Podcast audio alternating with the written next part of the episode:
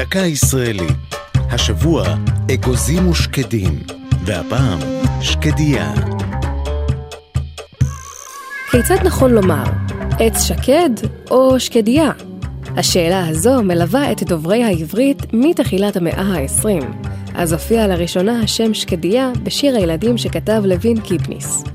לשנה טובה שקדיה, וייתן לך אלוהים, גשם טוב, שפע טל, שמש אור ורוח קל. גם במחזה ילדים שכתב, בחר קיפניס לשלב את השקדיות כדמויות. אולם דווקא השיר השקדיה הפורחת של ישראל דושמן, ללחן של מנשה רבינה לציון ט"ו בשבט, השריש את שם העץ, המסמל בארץ את ראשית עונת הפריחה. השקדיה פורחת ושמש בזורחת. פריחת השקד המצוי מתחילה לרוב אחרי מספר חודשי שלכת.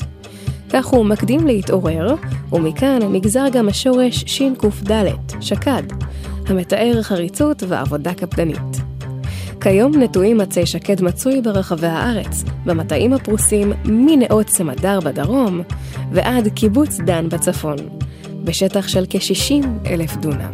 זו הייתה דקה ישראלית על שקדיה. כתבה אופק רוזנטל, ייעוץ הפרופסור מרסלו שטרנברג, עורך ליאור פרידמן.